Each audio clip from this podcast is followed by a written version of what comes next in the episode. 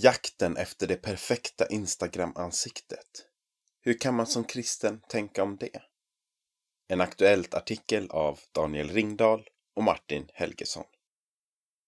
Många ungdomar lider av en negativ självbild för att de inte når upp till det skönhetsideal som finns på Instagram och andra sociala medier. Men Guds ord presenterar ett annat perspektiv. Spegel, spegel på väggen där, säg vem som vackrast i landet är. Ramsan från sagan Snövit är välkänd, men idag frågar vi inte en spegel, utan sociala medier om vem som är snyggast. Människor har i alla tider velat vara vackra, men tiden, resurserna och förmågan till att arbeta på vårt utseende har varit begränsade till samhällseliten fram till andra halvan av 1900-talet. Från omslaget in i vardagsrummet. När vi växte upp kom kroppsidealen huvudsakligen från sport och TV. Idag drivs det av influencers via sociala medier. För 20 år sedan redigerades ansiktena på omslagen till livsstilsmagasin och vi pratade om photoshoppade ansikten. Nu är det korrigerade i sociala medier-appar och de retuscherade ansiktena har kommit att kallas för Instagram-ansikten. En viktig skillnad mellan ett redigerat omslagsfoto och en retuscherad Instagram-bild är att medierna förmedlar olika typ av närhet mellan mig och den fotade. Ett omslagsansikte går att hålla ifrån sig eftersom det är så ovanligt att få bli plåtad. Sociala medier är annorlunda. Influensen blir som en vän som låter mig följa med in i dennas vardagsliv. Det är mycket lättare att knyta an till den personen än till människan på omslagen. Och medan omslagsbilderna byts ut kanske en gång i månaden uppdaterar influensen sitt Instagramflöde många gånger om dagen. Konstant fulhet. Svenska Dagbladet skrev i januari om Instagram-ansiktet och hur unga, ofta tjejer, kommer med en retuscherad bild på sig själv till en plastikkirurg och vill bli opererade för att likna bilden. Många går med en konstant känsla av att vara fula. Och det är inte så konstigt när vi ständigt matas med korrigerade bilder. Det är samma mekanismer som om jag hela tiden provade kläder som är alldeles för dyra för mig. Givetvis kommer de kläder jag faktiskt har råd med då att kännas fula och tråkiga. Fram tills nyligen har det varit stor skillnad mellan accessoarer och ansikten. Det har gått att spara ihop till en dyr jacka eller väska, men sitt ansikte har man fått leva med. Det extraordinära med Instagram-ansiktet är att plastikkirurgin har blivit så mycket mer lättillgänglig att det faktiskt är möjligt för oss att förändra vårt utseende. Vad gör vi åt det?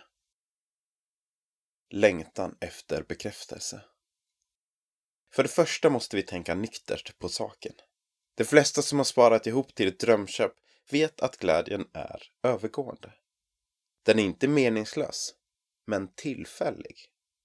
Och vinsterna kan inte mätta vårt begär, utan flyttar bara fram gränserna.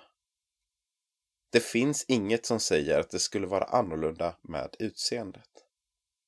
Egentligen vet vi det, för problemet sitter inte på utsidan, utan på insidan.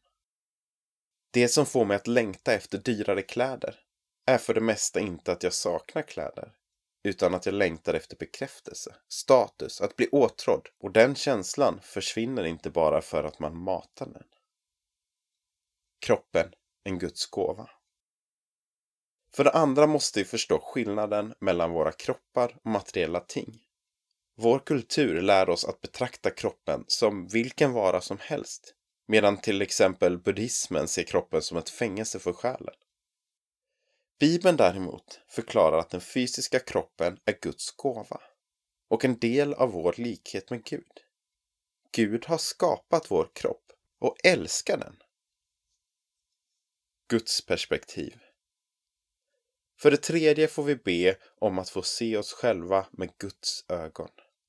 Saltaren är en bra utgångspunkt. Bevara mig som din ögonsten. Beskydda mig i dina vingars skugga, står det i Saltaren 17. Och David skriver i Saltaren 139. Jag tackar dig för att jag är så underbart skapad. Underbara är dina verk. Det är inte lätt att göra sig fri från känslan att vara fel och ful när tanken väl har fått fäste. Men Gud vill ge oss nya perspektiv. Sina perspektiv. Skönhet som kan förändra världen.